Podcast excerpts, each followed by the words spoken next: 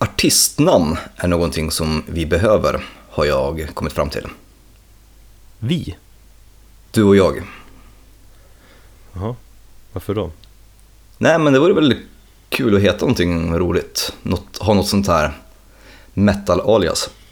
Jag Fast tänker... eh, jävla löjligt, men ja, okej. Ja, jo, jag, jag vet att det är löjligt, men det är ju lite grann det som är grejen. Nej, vänta, jag kommer att tänka på där i slutet av 90-talet, 99 kanske, när eh, Matrix och hela den här futuristiska filmrörelsen var så populär och eh, ett band som Fear Factory och hela den där genren med industriell metal hade nått sin peak så var det jävligt coolt att heta någonting som typ, ja, fan vet jag, Radiant Pulse Aggressor eller Rhythm Attacker Dominator. Mm. Sjukt töntigt. Ja, men jävligt eh, inne då faktiskt. Ja. Eller tidigt 90-tal, obskyra black metal-band så ska de heta något så här Fornicator and Tormentor of Virgin Souls. Ja, av alla de där jag heter, precis. Jag har funderat på att kalla mig för Tom S. Warrior, som en liten pastisch på Gabriel Fisher. Men jag tror att det är lite för lökigt. Det är för, det är för eh, likt ju. Mm. Men varför Vad då? skulle du... Nej, jag vet inte. Jag brukar ju kallas för Tom ibland. Eller jag gjorde det när jag bodde utomlands. Jaså? Mm. För mig är du bara polacken. Ja. Vad skulle du heta då? The Wailer. Knulla! Det är ju rock. Du är ju, ja, Rock. Rock, rock 2000. Mm. Nej, men det ska ju inte jag bestämma egentligen. Eller kanske jag ska. Men annars, liksom ett nick får man ju av andra. Så därför kanske våra lyssnare kan ge oss nicks. Mm. Jag får heta Erik så länge du får heta något. Du vet att jag hatar Tompa. Ja, jag, jag känner det på mig.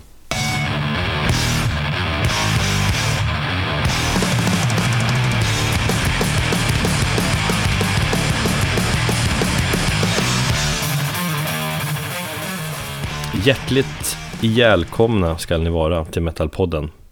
Som i veckans avsnitt, avsnitt 41, kommer att behandla temat döden. Jag heter Erik och min eh, poddkollega heter Thomas. Hej! Hej Erik. Döden ja, jag är lite nervös. Jag är nervös. Jag känner så här, istället för att vi ska prata om hur det har gått att lägga våra respektive unga som faktiskt har gått bra så tycker jag vi bara hoppar rakt in i, in i skiten. Ja, Men jag, oh, jag är lite nervös, känns lite så här, lite småjobbigt det här. ja det förstår jag. Men, eh, men det det nog gå bra. Det är ju ett, eh, om man nu får säga så, ett ämne som berör oss allihopa och är totalt ovidkommande Mm. att prata om. Och det kommer vi verkligen beröra här. Eh, vi får köra igenom det här dödsavsnittet, sen nästa avsnitt får vi köra det här partyavsnittet eller någonting. Favoritlåtarna att eh, förfesta till och sånt här. Glatt. Eller liknande. Kontraster, det gillar jag. Mm. Men eh, angående dödstemat tycker vi väl att, eh, när jag tänker efter det, på något sätt matchar fint ändå med förra avsnittet. Då vi hade kärlek som tema. Ja.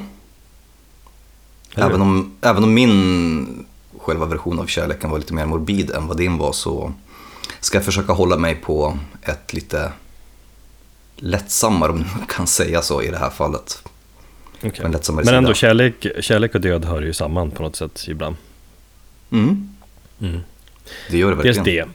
Ja. Och sen har det hänt lite saker i min närhet som eh, behandlar just döden. Eh, som vi tänkte prata om, eller jag tänkte prata om. Ehm, sen kan man säga att du och jag, Thomas, vi har ju pratat om hur vi vill vara transparenta i den här podden. Vi vill liksom vara ärliga. Vi vill prata om musik på ett personligt plan och vår koppling till den på olika sätt.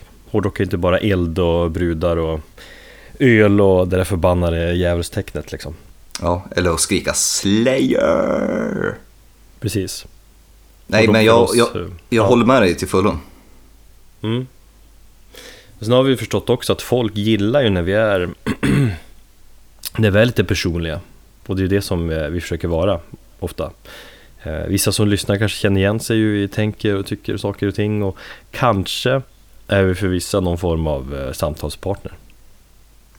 En gång i Precis veckan. som- Precis så som banden vi pratar om är samtalspartner för oss och den musiken vi lyssnar på. Exakt. Eh, Och för oss själva får vi väl ibland se de här avsnitten som lite som vår terapitimme. Precis, det är lite grann därför jag har sett fram emot det här avsnittet. Dels på grund av just den här terapidelen. Och jag har också gått igenom en ganska pissig helg. Ingenting som kan kanske jämföras med, med din helg. Men vi alla utkämpar ju våra egna små battles dagligen. Ehm, Så att det blir som en liten katarsis och jag hoppas också att du och jag kan stärkas och, och gå vidare och kanske förhoppningsvis göra någonting fint av det här. Mm, precis. Och jag tror att ärlighet och öppenhet, just det, det kommer man långt med här i livet. Absolut, jag var en jätteärlig och jätteöppen kille förr i tiden och jag har alltid sett mig som en person som har I wear my heart on my sleeve. Förr i tiden, är du inte det längre menar du? Eller vadå? Nej, men det har jag väl kanske också sagt i, i podden att jag har ju på något sätt sen man blev pappa och man hamnar i den här rutinen har jag är tvungen att stålsätta mig lite grann och där känner jag lite grann att jag har tappat lite grann av den värmen som jag vet att jag kan ge till andra människor. Mm. Ehm, och jag känner att jag på något sätt har förlorat i mig själv därför att jag har inte jag har bara så mycket energi och så mycket kärlek att dela ut till andra människor och jag väljer att istället lägga den på familjen vilket gör att man automatiskt kanske inte blir lika öppen mot andra. Vi får väl hoppas att den gamla, ärliga, eller den öppna, fina, omtänksamme Thomas kommer tillbaka. Jag saknar honom faktiskt. Samhället mot makt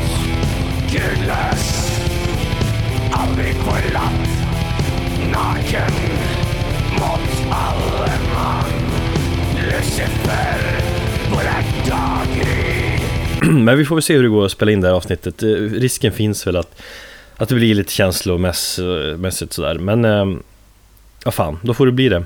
Då är vi här och plockar upp varandra. Precis. Eh, Vi ställde in förra veckans avsnitt eh, och anledningen till det beror väl helt enkelt på mig, eller ja, eh, vad som hänt där. Min eh, sambos systers man, Andreas, gick bort i en eh, trafikolycka för eh, snart två veckor sedan. Mm. Och det, det kom ju givetvis som en chock för alla oss i hans närhet. Eh, Det har varit jobbigt.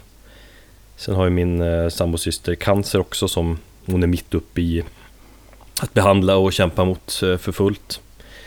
Eh, Och de har två barn tillsammans. Så det, det är ytterligare faktorer som gör det hela jobbigare, eller vad man ska säga. Det, ah, det är förjävligt, det, det är orättvist, det är svårt att, att greppa liksom det som har hänt. Jag som inte känner de här personerna men som känner dig har faktiskt påverkats mer av detta än vad jag till exempel påverkades av min farbrors självmordsförsök i julas. Vilket är väldigt konstigt. Men jag vet inte. Det är kanske för att jag har någon form av, eller att jag, du och jag har en djupare relation än vad jag har med min farbror kanske. Men eh, det har varit ett helvete faktiskt att, att se dig och liksom vara där och inte riktigt veta vad man ska säga. Du kom ju dit eh, i helgen, eller förra helgen, med, när jag hade magsjuka och lämnade lite käk. Eller vad lämnade du? Cola, Du fick blåbärssoppa? cola, eh, du fick en Proviva och du fick eh, Sopp- Soppa. en soppa. Ja, precis. Ja, det var det minsta jag kunde göra liksom. Det var fint. Och det var fortfarande så att jag var tvungen att stå på två meters avstånd ifrån dig för att jag ville inte att du skulle smitta mig med magsjukan. Hade det inte varit magsjuka hade du fått en stor kram. Ja, det sa vi, snackade vi om också. Ja. Eh, Det vet jag Jo, men det har varit faktiskt väldigt eh, känslosamt. Jag tror inte jag, jag, jag tror inte jag gråtit så mycket förut som jag gjorde just första helgen efter beskedet. Eh, och just nu har vi sorgen, den har vi liksom övergått mer till en, en jobbig tomhet liksom. Eh, som sätter sig fysiskt också. Jag har ingen Känner ingen liksom vidare motivation för tillfället, är bara allmänt trött, försöker göra det jag ska på jobbet, sen ska man ta hand om sonen och sköta det praktiska hemma med matlagning och läggning. Sådär. Lite robotlikt. Ja. Det kanske är bra på något sätt ändå att gå i någon form av robotliknande situation. För någonstans så kanske du bearbetar i bakhuvudet undermedvetet. Ja, jag har tänkt lite så. Eh, men jag har insett också att man lever ju mycket, i alla fall jag, på pepp. Det, det är så jag får, jag får livet att, att rulla. Det är min religion liksom. Men nu känner jag bara dysterheten och tomheten. Och det, det är ju inte så konstigt antar jag. Det är ju det är sorg och så. Men det är, då är inte livet lika roligt. Nej, men när du säger att du lever på, på pepp, hur menar du då? Nej men jag tror jag känner att det är så jag Det är liksom min religion ja, Det är saker jag ser fram emot, skivor och, och konserter och vad som ska komma i livet och till sommaren och sånt Det är liksom på något vis hela det man ser fram emot som man, som man lever för på något sätt Mm. Ja, jag, jag, jag köper resonemanget. Jag tycker dock att det, det kan vara väldigt farligt att leva på, på peppen sådär för att du, du kan se fram emot någonting och sen så efter det så känner du en tomhet. Jag försöker ju också, men vad fan varje måndag så ser jag fram emot fredagen på något sätt och, och, och få, få göra, träffa vänner eller umgås och så. Men jag känner också att det blir farligt för att man lever aldrig i nuet. Ja, Och jag försöker ibland, som till exempel, nu har jag haft en pissig dag idag, jag har haft en pissig helg. Och jag sa det till mig själv när jag kom till jobbet att förr i tiden så var jag mer såhär att nej, nu mår jag dåligt, oj, jag får inte må dåligt. Så hade, hade man ångest och mådde dåligt över att man mådde dåligt. Men då så kände jag bara såhär, nej, jag sa till mina kollegor, jag har en pissdag. Jag, jag, jag skiter i, i, i allt, låt mig bara få jobba. Och så satte jag på lugn musik och bara grottade mig ner mig i, i deppighet. Och tänkte, så här får det vara idag. Mm, men det är ju jävligt ärligt och fint ändå att du liksom kan vara så öppen mot dina kollegor. Jag tror väldigt få som, som är så, liksom visar det jaget så att säga med, till sina kollegor. Då håller man mycket inom sig tror jag. Ja, Så det är bra, jag tror det uppskattas. ja jag hoppas det. Mm. Men, eh, fan döden. Jag, jag brottades mycket när jag var ung med de existen- existentiella ja, typer av frågor. Eh, Mm. Då kunde man sitta i bilen, eller bilen långt in på natten och titta upp mot månen och liksom prata om de här frågorna med, med en nära vän. Livet och döden och syftet med allt eh, den biten. Men jag mår ju inte man mår ju inte bra av det i längden. Man, man ska inte grubbla för mycket. Det känns som att det är farligt att hålla på och grubbla eh, för mycket på allt det där. Så senaste åren har jag försökt inte tänka så mycket på det. Man lever livet lite genom pepp. Eh, hitta saker och, och se fram emot och, eh, och så. Och inte liksom, man, man hela tiden är där med dödstankarna, det liksom skjuter man framåt eller liksom gräver man ner någonstans. Ja, jag kan känna igen mig en hel del i det. Dels för att jag är en människa som hade det väldigt enkelt och fortfarande till viss del har väldigt enkelt att överanalysera och grotta ner mig och älta oförrätter eller gamla grejer och sånt där. Jag har blivit bättre på det ju äldre jag blivit men just den här tankarna på döden det har jag dagligen. Fast jag vill ändå på något sätt påstå att jag gör det på ett eh, sunt sätt. För att man ska vara medveten och ödmjuk inför livet. Man ska vara ödmjuk inför att saker och ting kan och kommer att ta slut. Och därför försöker jag på något sätt att när de här tankarna kommer så försöker jag tänka att Nej, men befinn dig i nuet. Sluta tänka dig fram om en vecka eller två veckor, utan här och nu liksom. Mm. Ja, det är vettigt att tänka så. Eh, för mig har det varit mycket tankeverksamhet just det, sen det som har hänt med Andreas bortgång.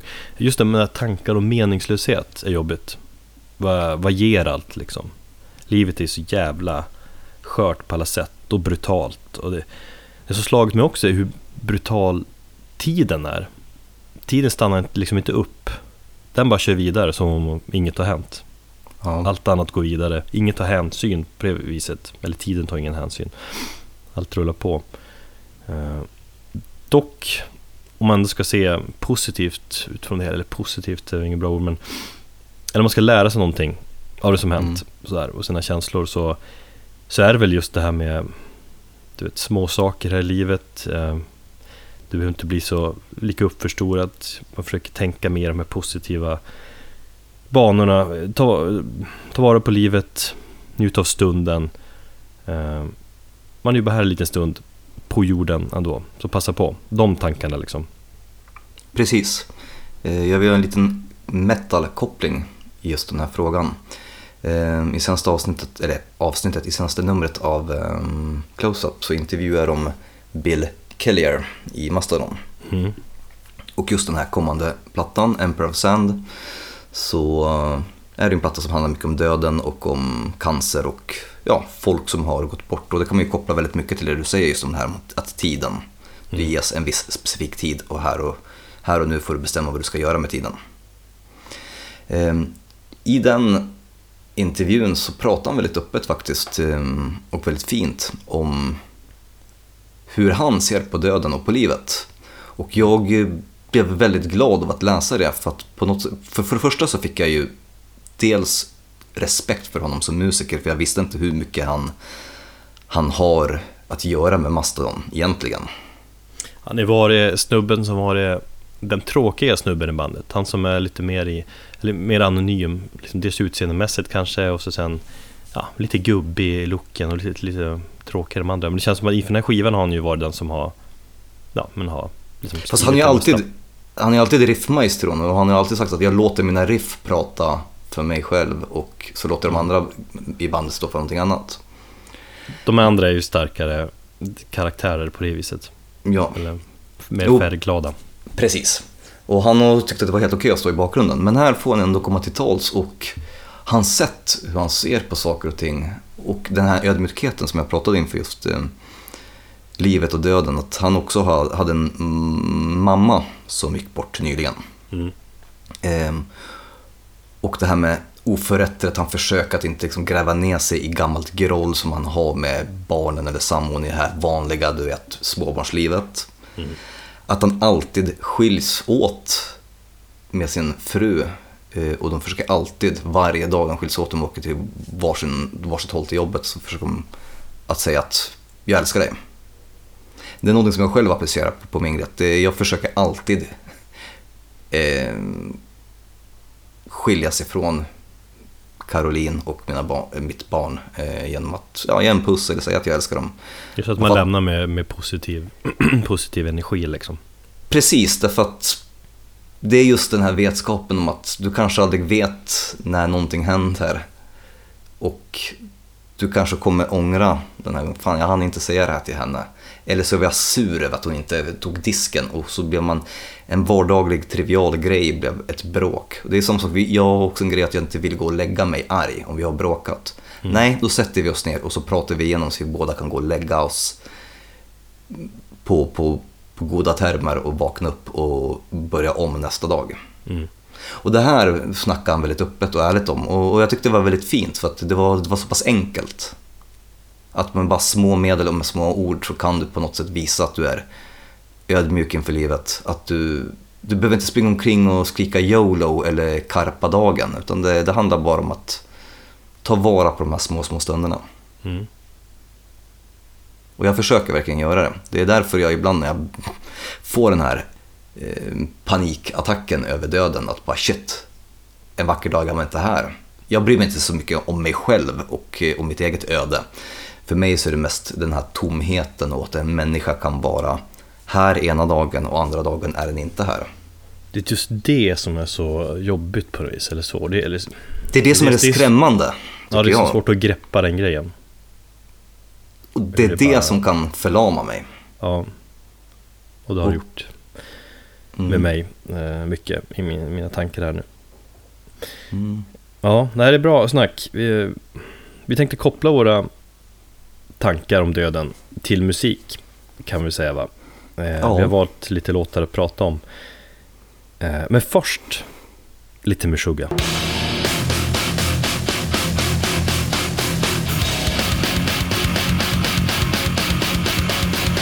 Jag var ju såg Meshuggah på Münchenbryggeriet i lördags.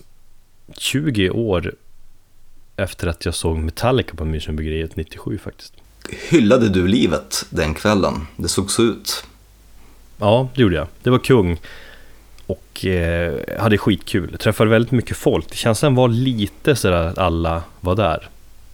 Inte, Fan brukar också! Du, tittade du lite på sociala medier och grejer, eller fick inte du den känslan? Jag tänkte på dig, vad fan, varför inte Thomas här? Dels så var jag ju inte så superpepp på att se Meshuggah.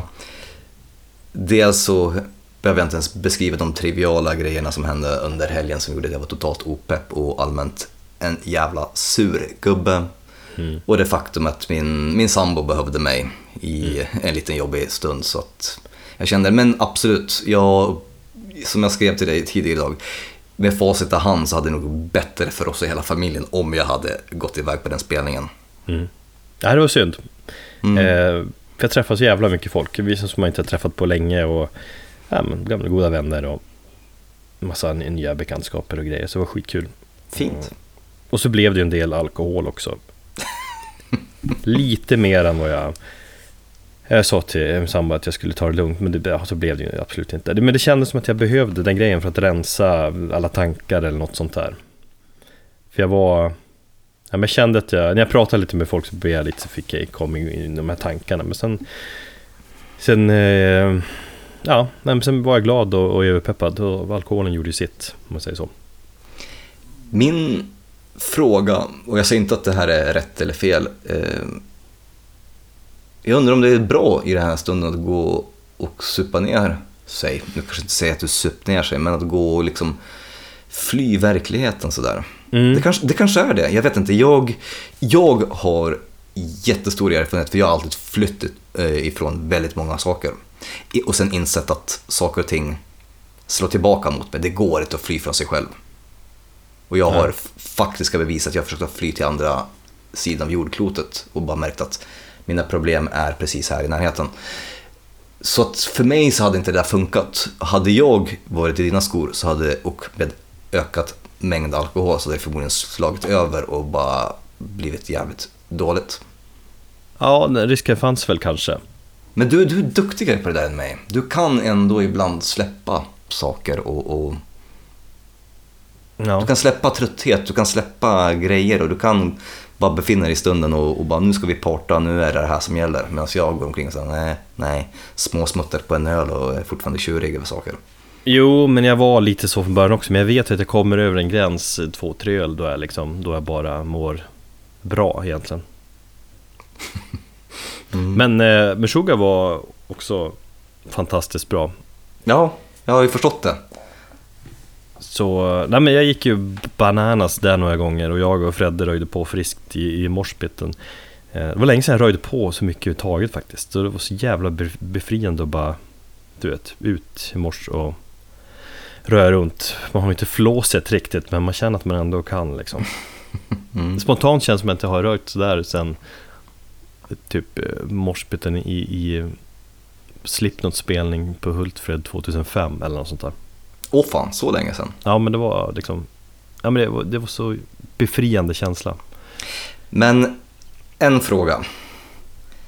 Hur tänkte du när du la upp ett klipp på Instagram och Facebook utan ljud? eh, Det såg jag ju dagen efter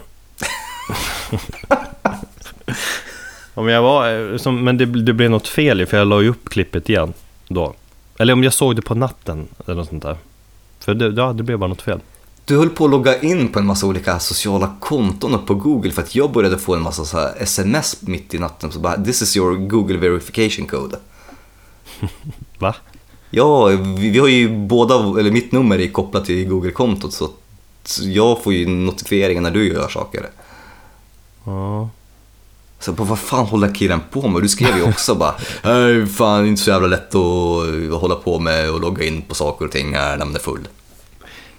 Nej Så skrev jag kanske Fan jag, jag har inte kollat igenom allt jag skrivit till folk Men ja Du får kolla igenom historiken. Exakt. Fick, fan fick helt ångest också. Men det, det Nej, var... det ska du inte ha. Nej. Nej men det är ju sagt, det blev något fel på klippet. Men sen när jag la upp det igen och var det bra. Ju. Meshuggah. Fan, de blir ju Mm. bara bättre och bättre. Visuellt är det ju magiskt. Deras ljusshow blir liksom, blir snyggare för varje gång jag ser dem. Och ljudmässigt kändes det lite eh, lågt först. Inga proppar behövdes, eh, tycker jag. Men det lät fantastiskt bra ändå. Och så, ja, men jag är väldigt nöjd. Men Münchenbryggeriet är ett rätt bra ställe. Jag tycker inte den får cred nog.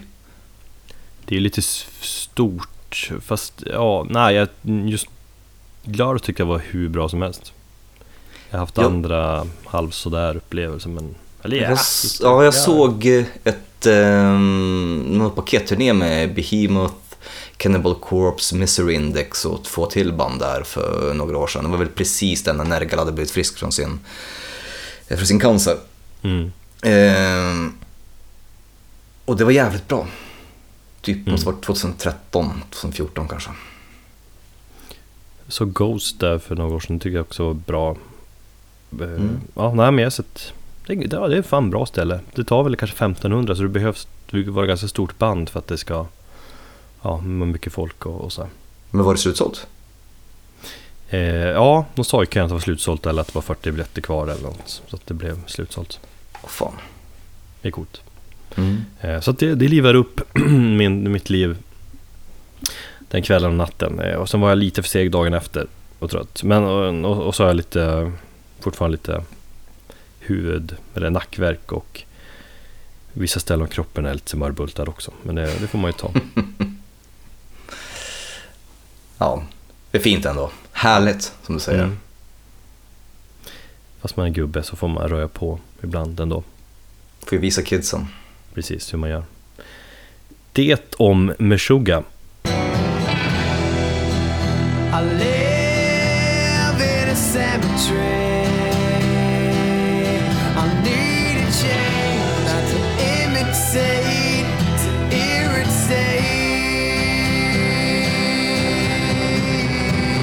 Nu eh, kör vi väl igång med eh, låtarna va?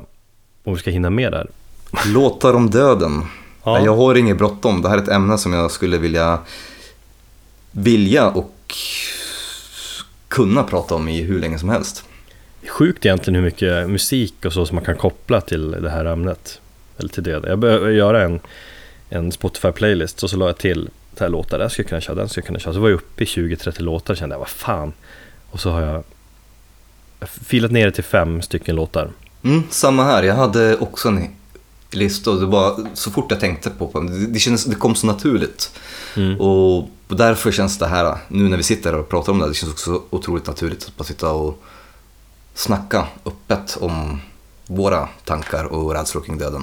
Ja. Och de låtarna som jag sedan valde, jag valde tre låtar, eh, kändes också så men det är ju naturligt. Visst ska det vara de här tre låtarna, inga andra. Ja, jag är väldigt nöjd med mina val också när jag har gått igenom. Det känns... eh, eh, För mig det blir väldigt balladigt. Men det känns passande tycker jag. Du har lite annat tänk kanske. Eh, Och så har jag två instrumentala låtar. För jag kan tycka att instrumentala låtar då... Då kan man styra sina känslor själva. Det är ingen som säger eller sjunger vad man ska tycka och tänka. Mm. Men vi kör. Och vi börjar med låten Tänk på döden med bandet Kong. Eh, och vi ska väl döpa det här avsnittet till Tänk på döden också va? Självklart, det känns ju väldigt naturligt. Så jävla bra titel ju.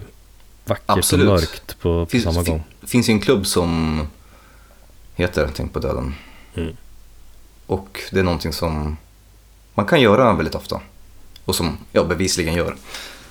Man ska, ja, jag tror man kanske inte ska göra det väldigt ofta, men man måste tänka på döden ibland. Det, det hör liksom till. Kong var ju förband till Meshuggah i lördags förresten. Ja, just ja. Och San- Sandström spelade på bas. Ja, nu missade jag ju större delen av spelningen på grund av gigantisk kö utanför.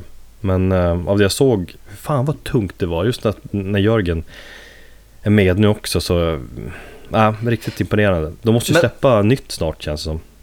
Ja, nu var det många år sedan de, de släppte en ny skiva. Jag har ju Kong, ja, jag är inte helt övertygad om, om bandet än. Det är så. Nej, jag, jag har försökt med dem till och från. Stundtals ja, men, men eh, inte som, inte som helhet, jag är inte såld på dem. Men alltså Sandström, vad, vad, vad är grejen? Är han sessions extra basist i bandet? Eller ersatte han någon eller hur, vad var grejen? Han ersätter den andra basisten, den här snubben som eh, eh, med mustasch och som spelar typ gitarr i Dead Lord heter man. Okej. Vad fan heter han? Ja. Så att, och då hoppar den killen på gitarr. Så har de ju dubbla gitarrer och Jörgen på bas. Men han är alltså fast i bandet nu eller? Nej, alltså live. Men det, det var någon som sa att han inte var med när de spelade Alltså Meshuggah-spelningen i typ i Malmö. Just ja, ja, ja det såg jag också. Ja. Ehm, men när Jörgen är med, alltså det växer bandet. För han, han skrek ju på någon gång också. Det var coolt. Ja, han är ju grym. Men Soul Creation heter senaste plattan, den kom, jag tror det var 2013 den kom. Så att det är, fan, undrar om, de, om David de har skrivit någonting. Eller om, de, om det är på gång med en ny Kong-platta. Han har ju haft mycket annat för sig. Han har ju varit live gitarrist i Cult of Luna, så har han väl spelat med Switchblade också va? Eller Yes. man sjunger där. Ja. Stämmer. Så Kong är bra och eh, Tänk på döden är en, eh, låt med klockren titel som är eh, den är ganska annorlunda. Den är inte mullrande tung utan den är lite så här eh, dyster. Eh, men ändå på något sätt så har den lite så hoppfulla toner. Så vi inleder med den.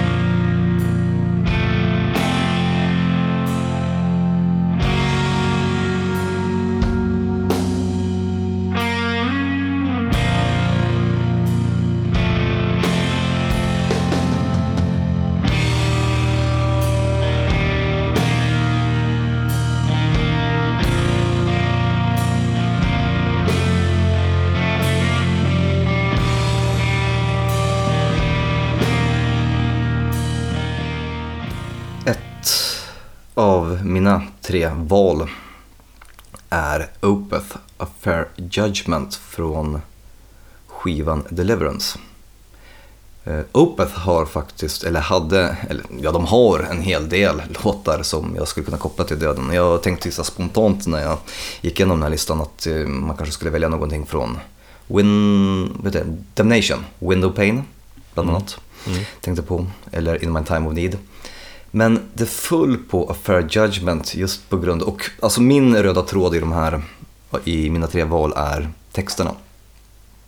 Ehm, för det finns någonting där som, som tilltalar mig och som på något sätt räddar mig från de värsta, värsta stupet när jag tänker på döden och på något sätt lyckas hålla mig kvar och greppa tag i livet. Ehm, och Deliverance-skivan var faktiskt den första skivan som jag köpte med um, Opeth när den kom.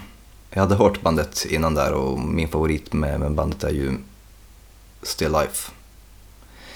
Eh, men Deliverance var den första skivan jag köpte och eh, det finns just efter de här inledande Breath och Deliverance som är så här långa och rätt så köttiga spår så bryter de av med en väldigt lugn och väldigt melankolisk, nästan lite domig låt tycker jag att det är. Eh, och just textraden som han sjunger när han kommer in där är, går så här. Leave it be, it was meant for me. Och det är just det lilla, lilla stycket, det mm, sätter sig så hårt i mig när jag tänker att a fair judgment deserved. Ehm, och eh, nu har jag dock fått den låten förstörd därför att jag läste på något forum om folk som har hört fel i låttitlar. Och då kommer den här oftast upp som Leave the P, it was meant for me. Så, Ja, det har du nämnt förut faktiskt i Ja. denna podd. Skärp dig. jag vet, jag kan inte ta det seriöst, men, Eh. men det har ju förstört lite grann. Men det är fortfarande, det är någonting med gitarrerna och det här Ja, det, låter, det, det, det är något speciellt med låten som jag inte riktigt kan, kan sätta, sätta ord på. Men, men den, den borrar sig rätt så djupt in i min, i min själ varje gång jag hör den. För mig är titeln lite förstörd eftersom vår vän eh, Jarno har en, en blogg som heter så. Fast mm, han hyllar ju, det är ju hans favoritlåt på bandet. Eller hur Jarno? Det tror jag va? Ja, det är väl möjligt. Men ändå, när du säger Så. det så tänker jag direkt på Jarno i sitt långa hår sittandes där. En bra blogg för, för övrigt, så ni som inte har läst den bör gå in och kolla. Men eh, skitsamma. Jag gillar han, eh, han, han, han recenserar bland annat Metalpodden när vi hade släppt typ två avsnitt. Jaha? Eh, och då skrev han vilka vi var. Thomas eh, känd från Close-Up och la la la. Och Erik känd från internet typ. Alla är kända från internet. ja, Bra, du är en riktig internetkändis. exakt. Men eh, just texten, det är den som griper tag i mig. Så vi lyssnar lite grann på Opeth, Affair Fair Judgment.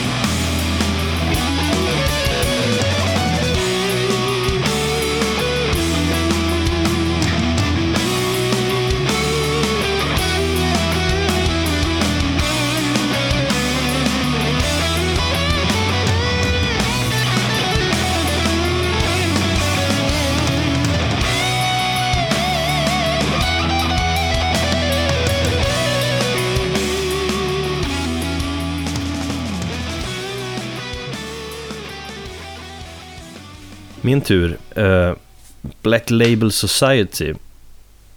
Inget band jag eh, går igång på jättemycket i normala fall. Sådär. Eh, Inte jag heller. Innan du fortsätter, visst har de en platta som heter Hangover Music? Är den här lite så lugnare stuket? Eller att det ska vara lite... Alltså det enda Black Label Society-plattan som jag har hört, det tror jag är någon som heter typ Hangover Music Volume 2. Jag vet inte om det finns en Volume 1, möjligtvis. Och det är bara covers. Typ på, Simon and Garfunkel och sånt där. Den är ganska så jävla dålig, men jag, jag har lyssnat på den väldigt mycket i min, ja, för några år sedan. Du har ändå lyssnat på den mycket. Ja, jag tycker Zack Wilde är jättejobbig. Ja. Och jag tycker bandet är jättejobbiga. Ja, Jag, äh, jag har inte lyssnat på band så mycket heller. Den här, äh, vad fan heter den skivan? Den har jag faktiskt lyssnat mycket på. Någonting med Order. Order of the, the Black, bla bla, något sånt där. Mm. Den tycker jag var så bra. Eh, men det är väl inte så att jag går igång på band jättemycket. Men det är en, en låt då. Som heter In This River som eh, fanns med på, eller finns med på, ja vilken platta var det nu då? Jag skrev det till dig idag. Maffia. Just, Maffiaplattan. Eh, som jag gillar väldigt mycket. Det är en sång om, om döden och eh, just det här faktum att det inte finns någon återvändo från den eh, och hur man, hur man saknar någon som har gått bort. Eh, och det är en låt som är väldigt starkt kopplad till Pantera-gitarristen Dimebag Darrell som blev ihjälskjuten 2004. Eh, Just ja och det har väl missuppfattats lite grann. Många tror att Zack Wild skrev låten eh, efter att han hade blivit skjuten eh, som en hyllning då. Eh, men han skrev den faktiskt före Dimebags död. Däremot har han ju tillägnat låten till Dimebag efterhand och i, i videon som har släppt så då sitter Zack vid sitt piano mitt i en flod typ och, och så får man se bilder på, på Dimebag. Det är fint. Det är en fin video och en jävligt bra, fin låt. Ehm, det påverkar mig väldigt hårt när, ja, när Dimebag dog. Eh, Så det här är en låt som jag har lyssnat ganska mycket på vid den tiden. Mm. Så gillar jag att låten är ändå ganska avskalad. Den är inte så jätteproducerad, eller jätteproducerad. Den är så här äh, lite rå sådär. Piano och så matar Zack Wild på med sitt, sina... Ska man beskriva hans superflashigt gitarr onani. Ja, ja, men det är väl det han är så känd för och som han får otroligt mycket skit för. Att han Ja.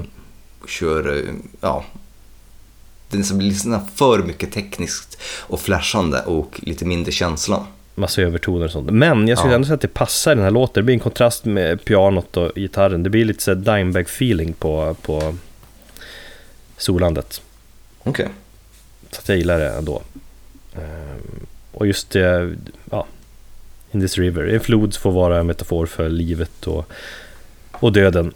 Han sjunger väl In this river ain't no coming back som han sjunger där. Och ja, så är det. Mm. Det går inte att komma tillbaka från döden.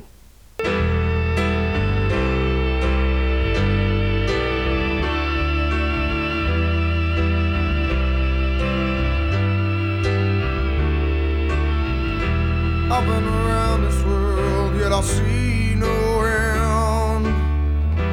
All shall fade to black again and again. This storm that's broken me, my only friend, yeah. In this river, all shall fade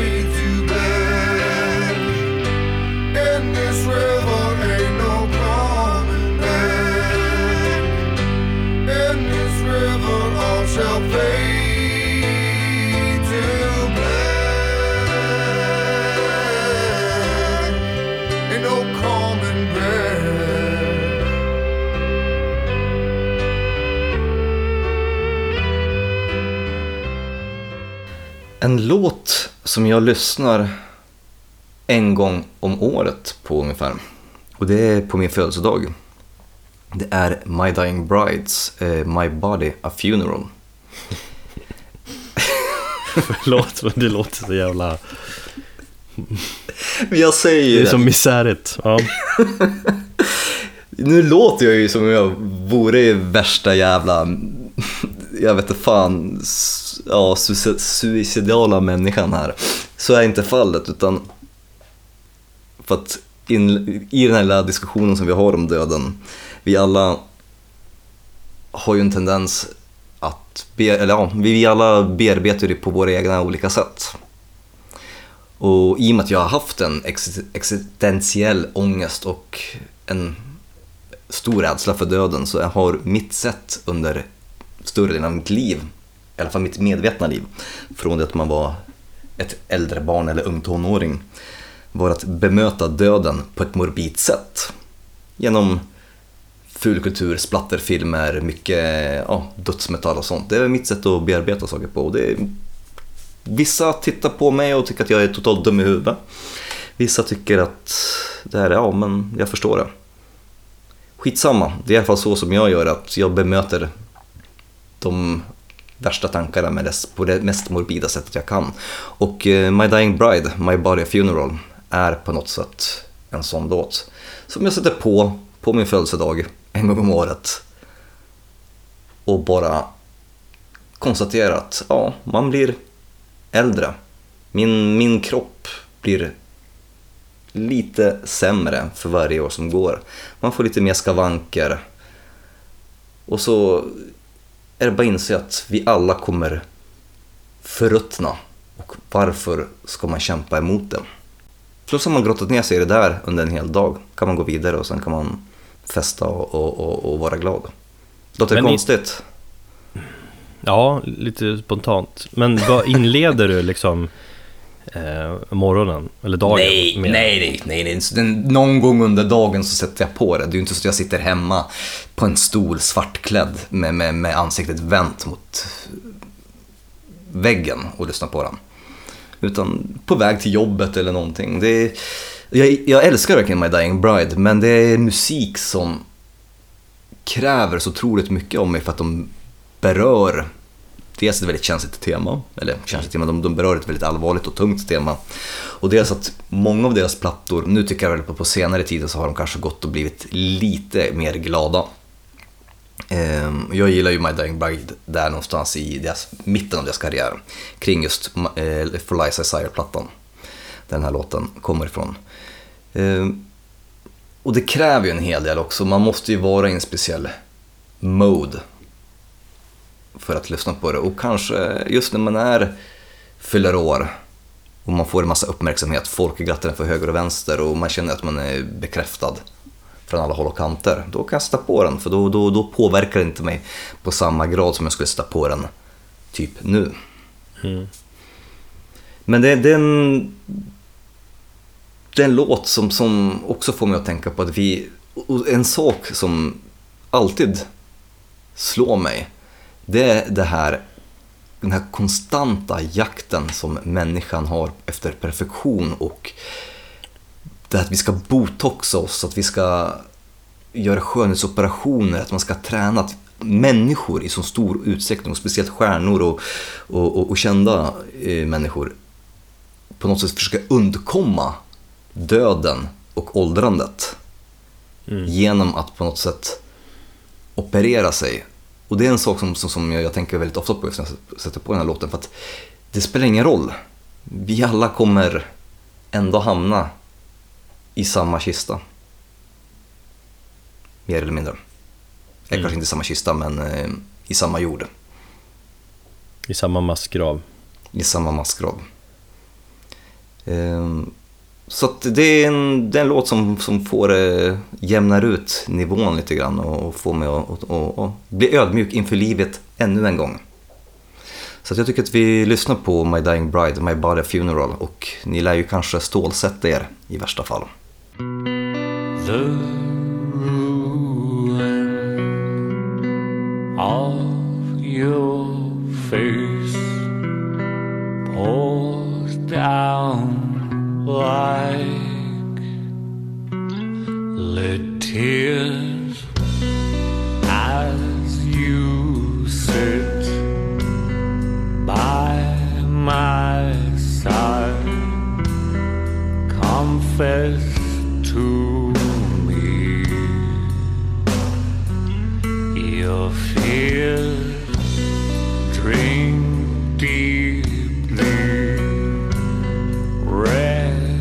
of me. My body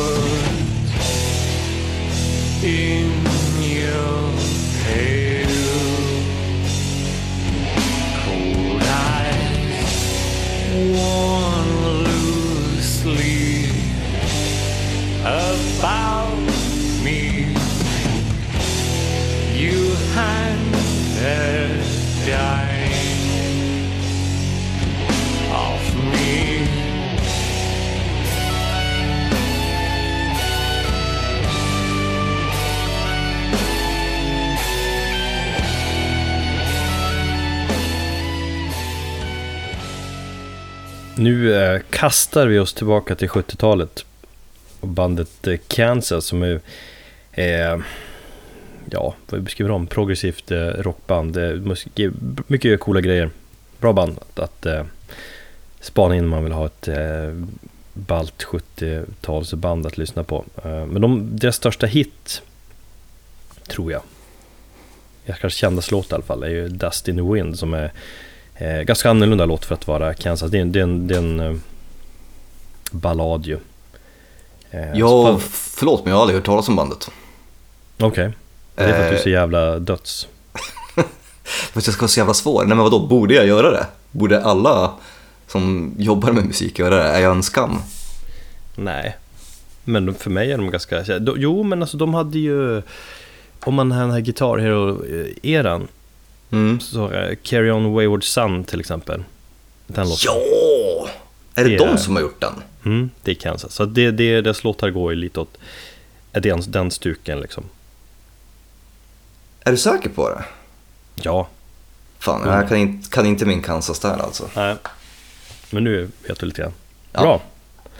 Eh, men Dust in the Wind, den är med på plattan Point of No Return från 97 höll jag på att säga. 77 var det.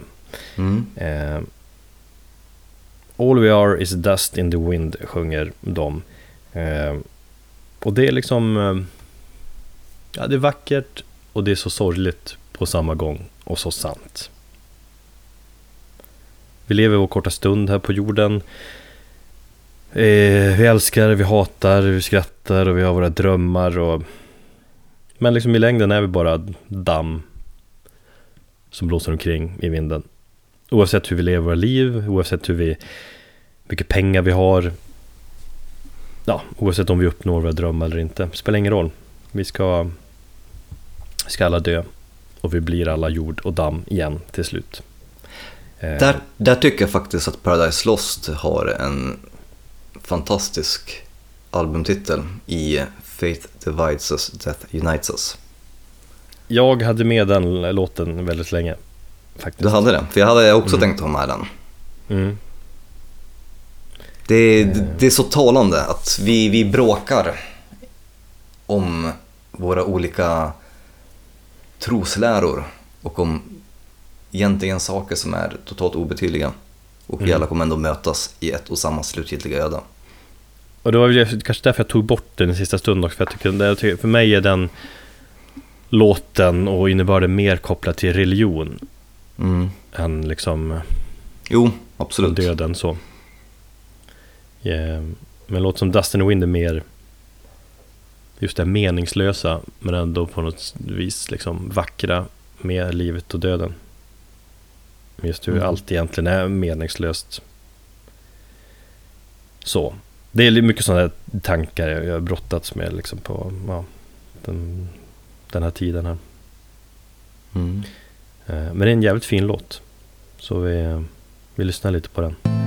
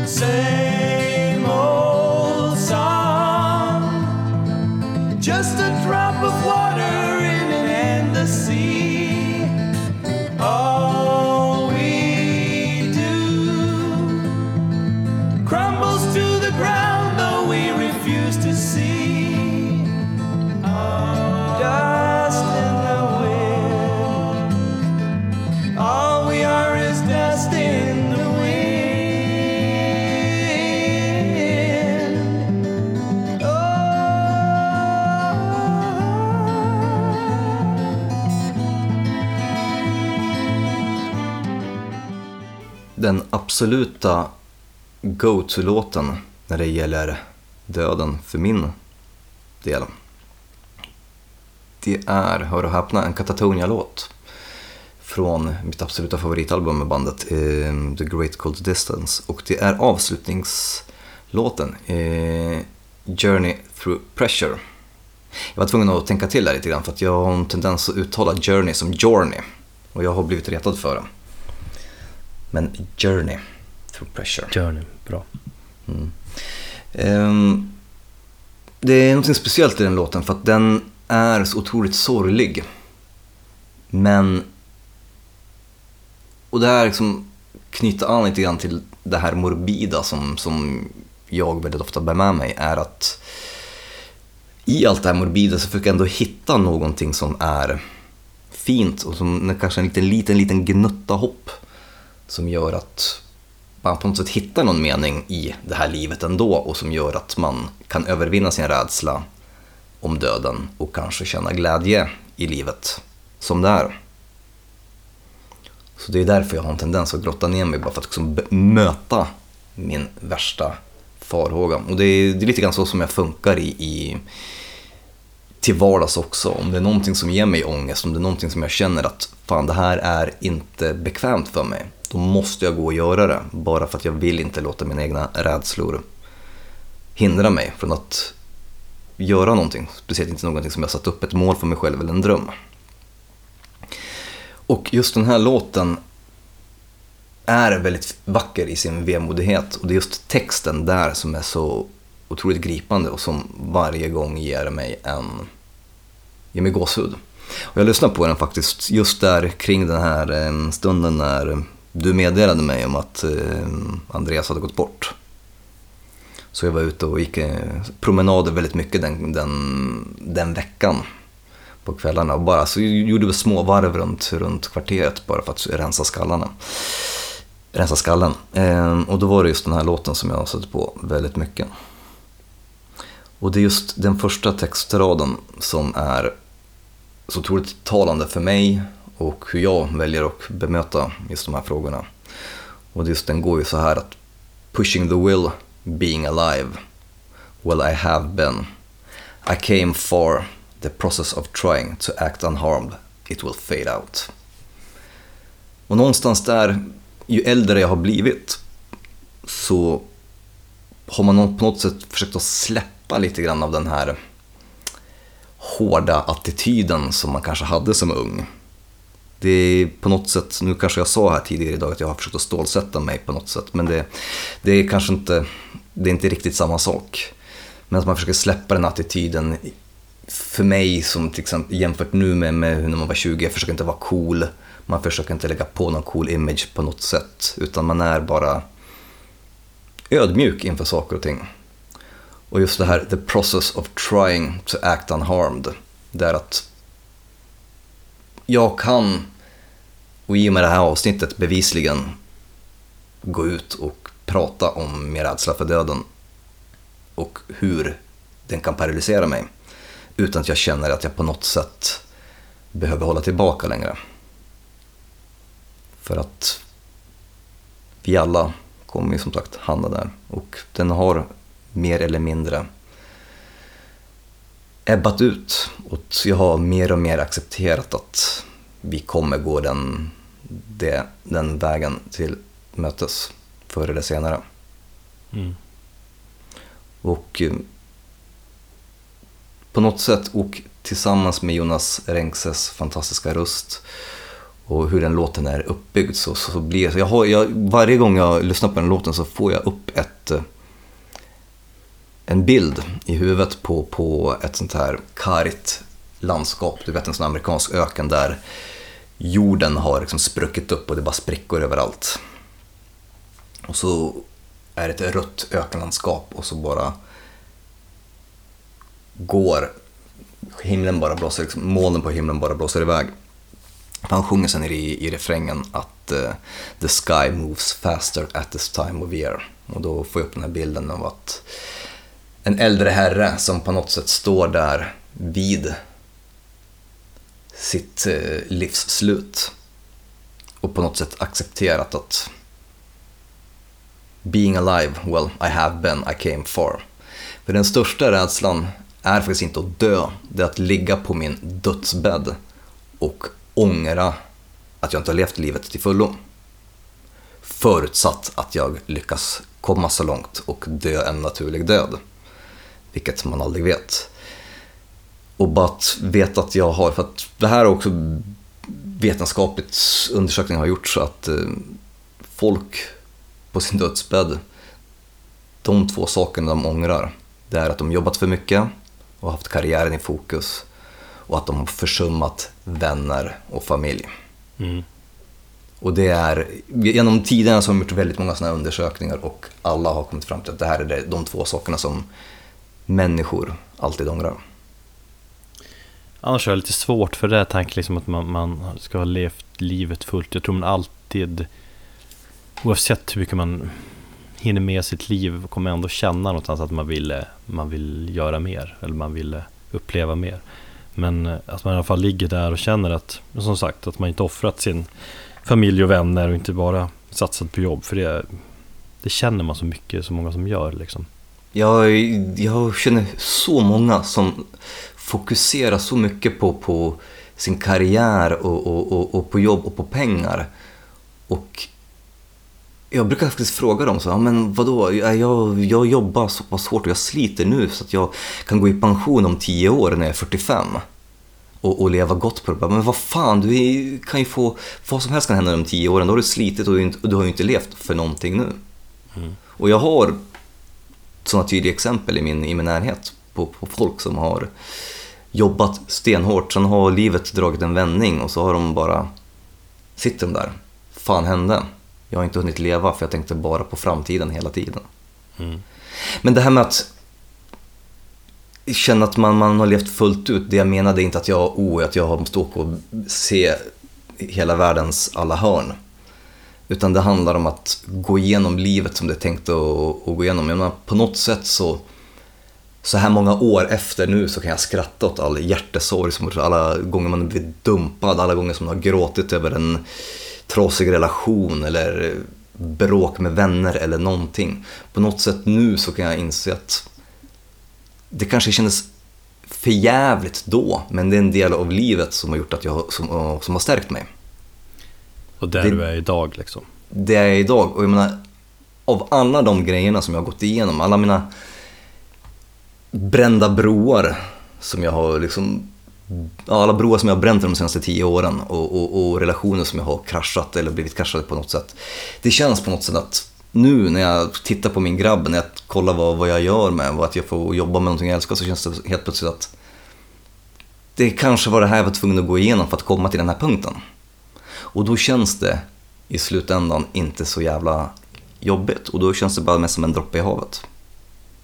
Och Och du det är det säger där också någonstans att du säger att du är ganska glad person. Men jag är det. Det, det, det, är ju en, eh, det är ju en, tror jag, en väldigt fel uppfattning folk har om mig. Att jag skulle vara sur. När du säger att du, att fan, du borde vara lite mer gladare, så undrar jag verkligen om du, du känner mig på riktigt. För att jag är ju egentligen en jävligt positiv människa. Det är bara att den döljer sig under ett väldigt stort lager av cynism. Så kanske det. Och jag kan faktiskt säga att självklart skulle jag inte vilja dö idag. Men jag har gjort så pass mycket att jag åtminstone skulle kunna säga så att det finns ingenting som jag skulle ångra så pass djupt. Jag ångrar inte ens det där hjärtesorgen, jag ångrar inte det där avskedet från det där jobbet, jag ångrar inte det där bråket för att det har någonstans tagit mig hit. Sen så vill jag ju givetvis finnas till här i, i 150 år till och driva den här podden. Men ja, vi får se hur långt tekniken tar oss. Det är möjligt att vi lever så länge. Mm. Men det här, är en, det här är en låt som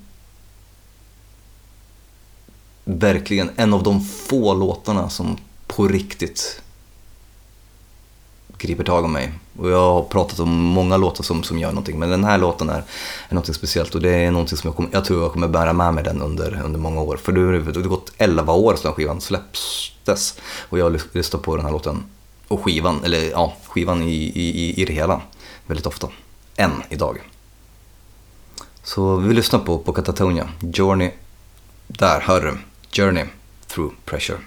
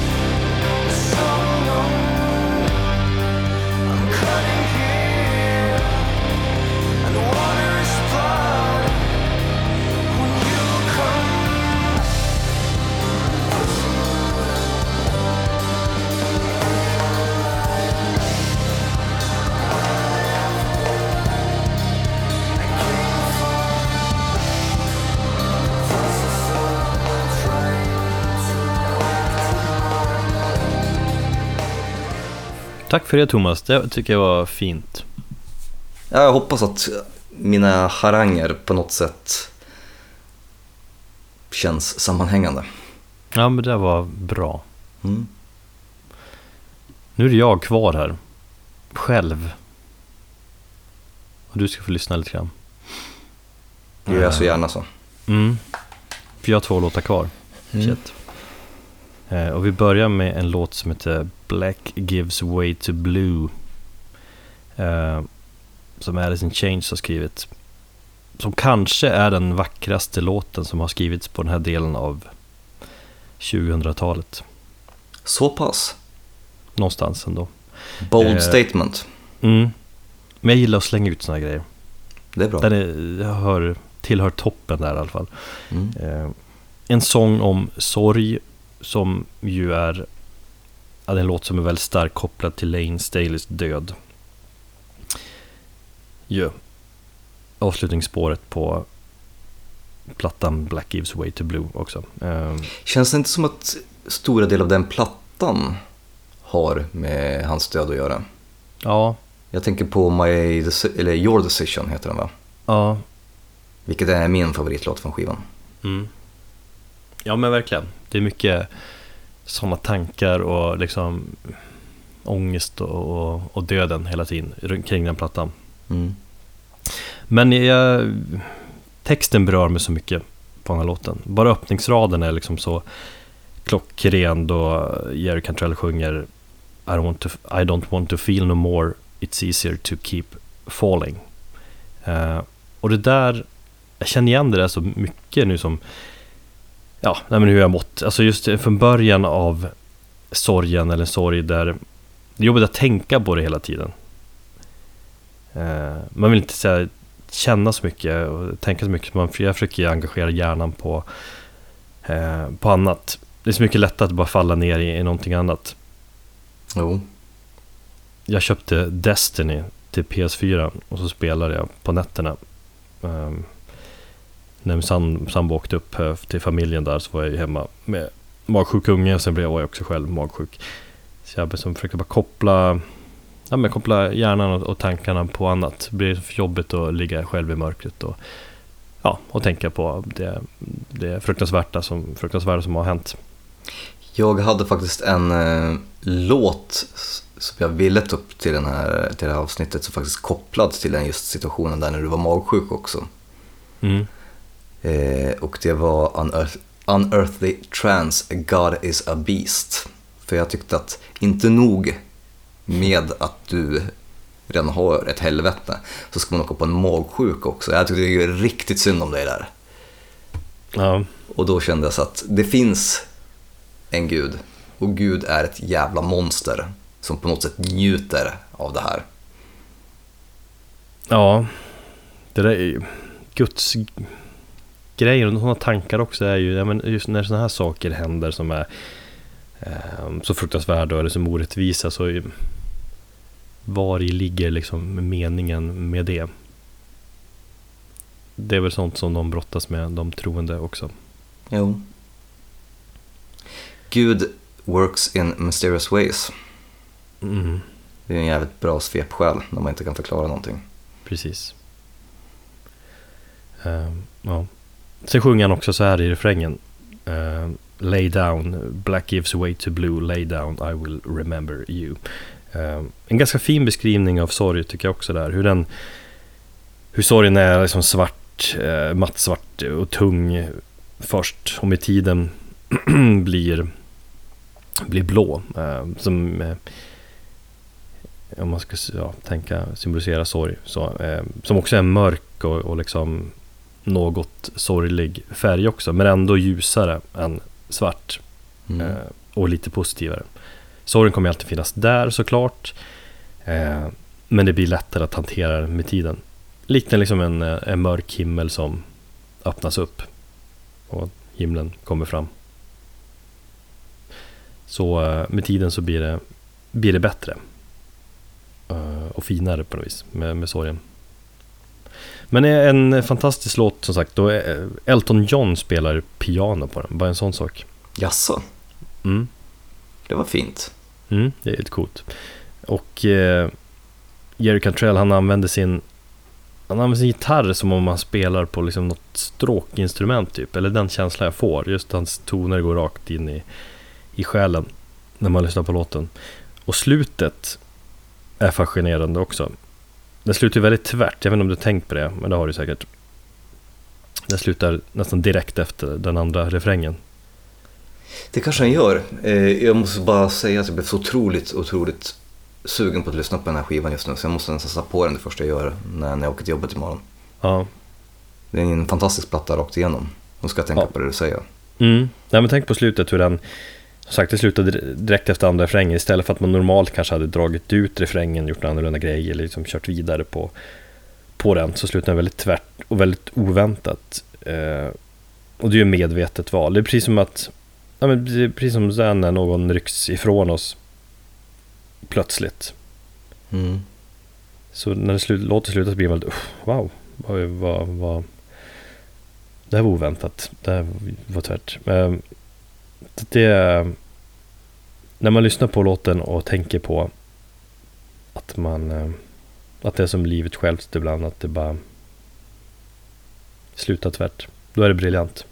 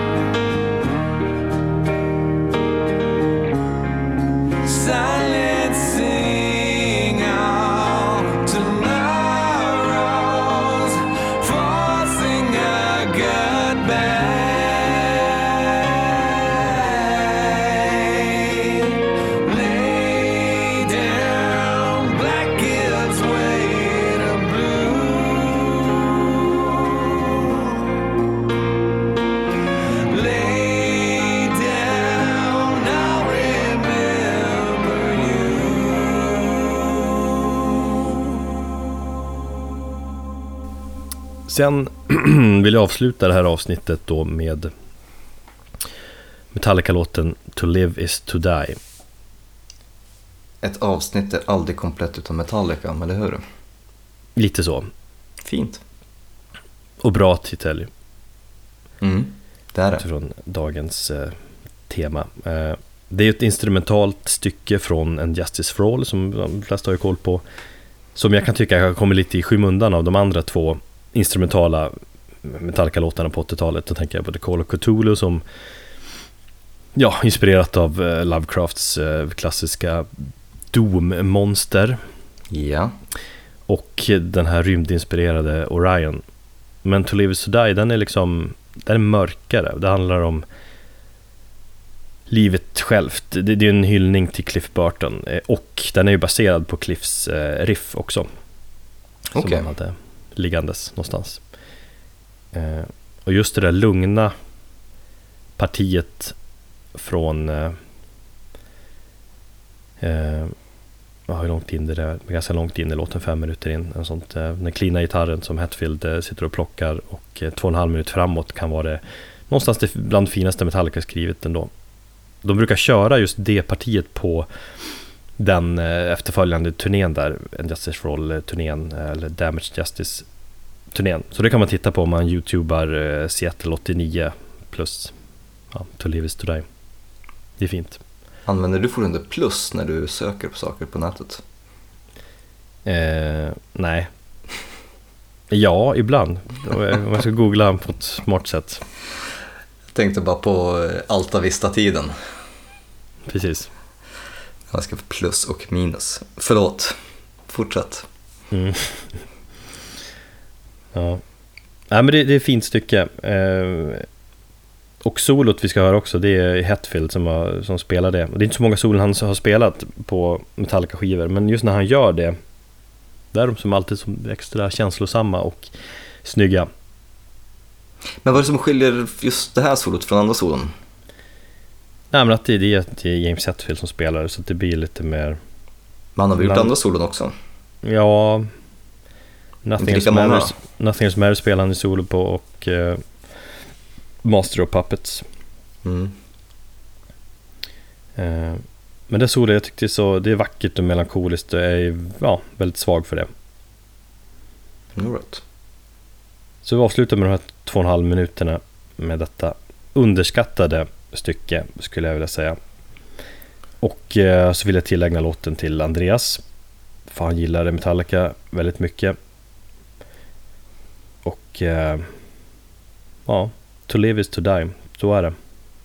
Precis, och jag hoppas att ni har uthärdat det här rätt så tunga ämnet med oss. Jag tyckte det var fint Erik. Mm. Det blev, det blev bra och det blir en perfekt hyllning till din vän. Ja, det blev fan fint. Börjar stålsätta mig lite grann här, men ja. Vi... Eh, Vi kör den och så får vi se att vi får återkomma med ett lite lättsammare ämne in i nästa vecka, eller hur? precis. Ta hand om er. Ta hand om er. Tack för att ni har lyssnat och eh, kör försiktigt ute i trafiken.